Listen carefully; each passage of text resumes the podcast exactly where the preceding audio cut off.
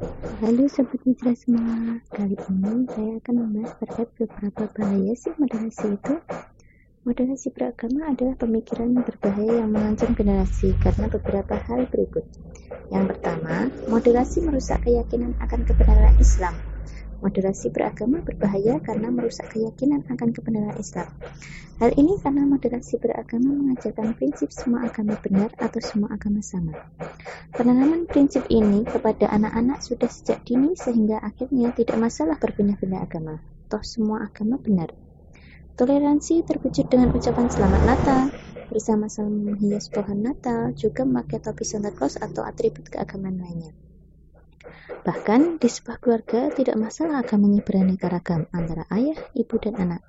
Karena semua agama menuju Tuhan dan surga yang sama, asalkan saling menyayangi dan saling menghargai. Jelas ini bertentangan dengan akidah Islam yang mengajarkan hanya Islam agama yang benar, sedangkan agama yang lain salah. Allah Subhanahu wa taala berfirman dalam Quran surat Ali Imran ayat 19 yang artinya sesungguhnya agama yang diridhoi di sisi Allah hanyalah Islam.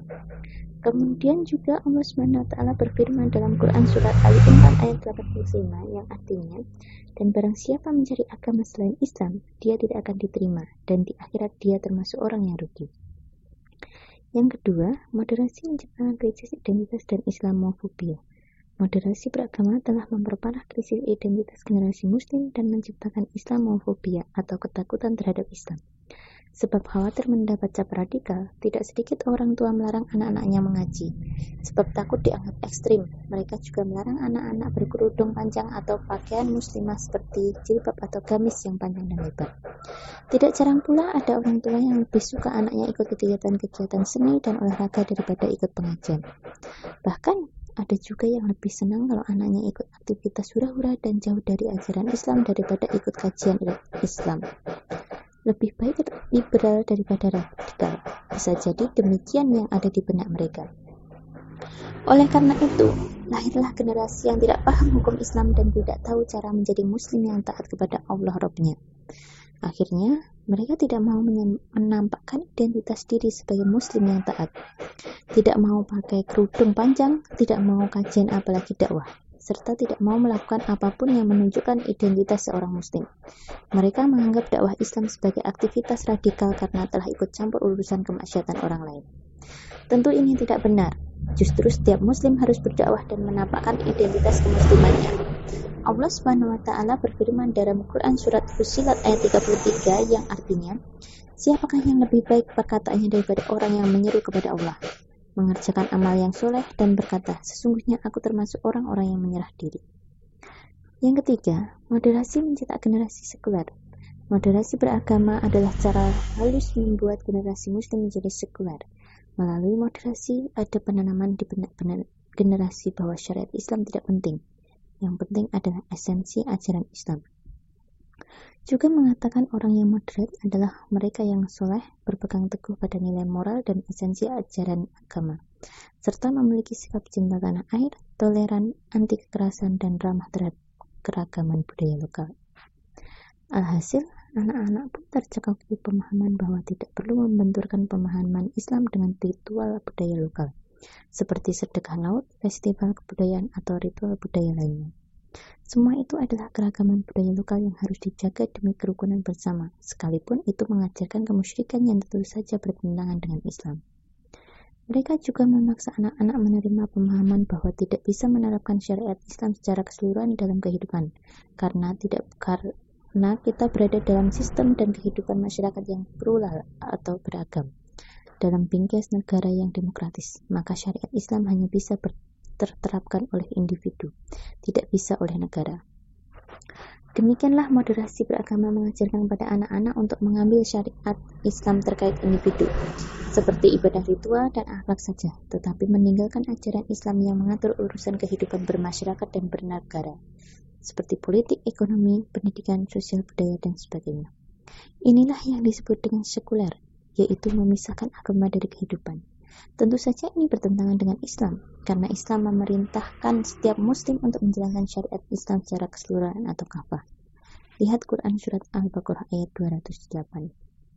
Allah menyebutkan Islam yang tidak mau kafah sehingga hanya mengambil sebagian dari kitab dan ingkar terhadap sebagian lainnya sebagai orang yang hina di dunia dan akan mendapat azab yang pedih di hari akhir. Quran Surat Al-Baqarah ayat 85 Yang keempat, moderasi menghalangi pemahaman akan kesempurnaan Islam.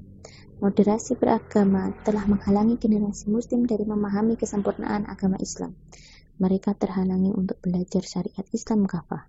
Pada akhirnya, mereka hanya tahu wajibnya sholat dan puasa, juga wajibnya bersikap jujur, amanah, dan akhlak mulia lainnya, tanpa tahu wajibnya menegakkan kepemimpinan Islam. Wajibnya menerapkan sistem ekonomi Islam, wajibnya menerapkan peradilan Islam dan hukum-hukum Islam lainnya.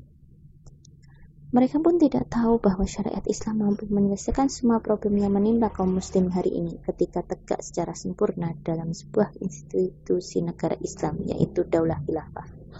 Seandainya mereka mendapatkan pengajaran Islam yang benar, yaitu Islam yang mengatur seluruh aspek kehidupan atau kafah, niscaya mereka akan memahami bahwa Islam adalah agama sempurna yang tidak butuh hukum, pemikiran, atau konsep lainnya sebagaimana firman Allah Subhanahu wa taala dalam Quran surat Al-Maidah ayat 3 yang artinya pada hari ini telah aku sempurnakan untukmu agamamu dan telah aku cukupkan kepadamu nikmatku dan telah aku ridhoi Islam sebagai agama bagimu. Yang kelima, moderasi adalah westernisasi.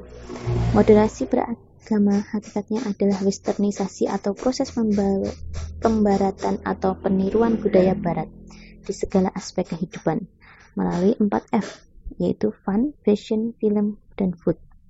Barat terus mempropagandakan ideologinya. Remaja muslim banyak yang terjebak dalam arus westernisasi ini sehingga membanggakan segala sesuatu dari budaya barat dan merasa rendah diri dengan budaya Islam. Perilaku islami yang merupakan bagian dari budaya Islam seperti hal berpakaian, makan, dan sebagainya justru mereka tinggalkan karena menganggapnya ketinggalan zaman. Pemikiran Islam juga mereka sebut kolot dan terbelakang, sementara pemikiran Barat yang sekuler dan liberal mereka anggap modern dan maju. Inilah sesungguhnya yang Barat inginkan melalui moderasi beragama, yaitu mencetak generasi Muslim berkepribadian Barat yang sekuler dan liberal.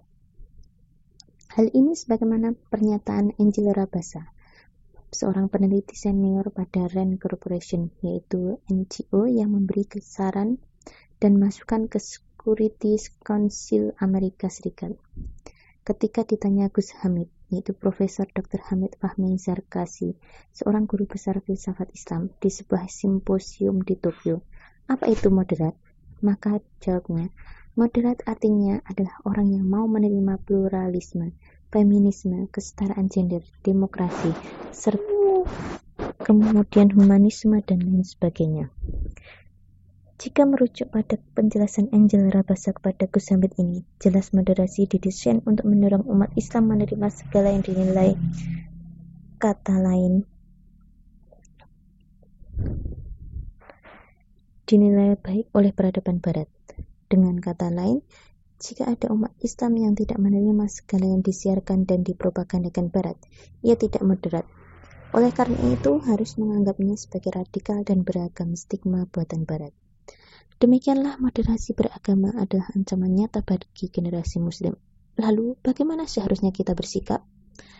Katakan tidak pada moderasi, sudah jelas, say no to moderasi.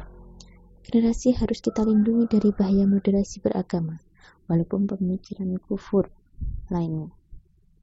Untuk itu, kita perlu memahamkan bahwa moderasi bukan berasal dari Islam, bertentangan dengan Islam dan sangat berbahaya karena menjauhkan generasi dari ajaran Islam yang benar. Moderasi seolah manis, membawa kebaikan dan berbagai kemaslahatan, tetapi hakikatnya ia adalah racun yang merusak generasi. Moderasi adalah racun berbalik madu, itulah yang perlu kita jelaskan kepada mereka. Hanya saja, upaya melindungi generasi butuh peran serta sebuah komponen umat. Semua pihak, baik negara maupun masyarakat, lembaga pendidikan maupun keluarga, harus berperan aktif dan turut serta dalam melindungi generasi. Semua ini tidak mungkin terlaksana dalam sistem kufur hari ini, saat masyarakat dan negara justru malah berandil besar dalam merusak generasi. Perlindungan secara menyeluruh terhadap generasi hanya mungkin terlaksana jika syariat Islam diterapkan secara keseluruhan atau kafah dalam sistem pemerintahan yakni khilafah alamin haji an-nubuwah sudah selayaknya perjuangan tegaknya khilafah menjadi agenda umat Islam hari ini. Wallahu alam.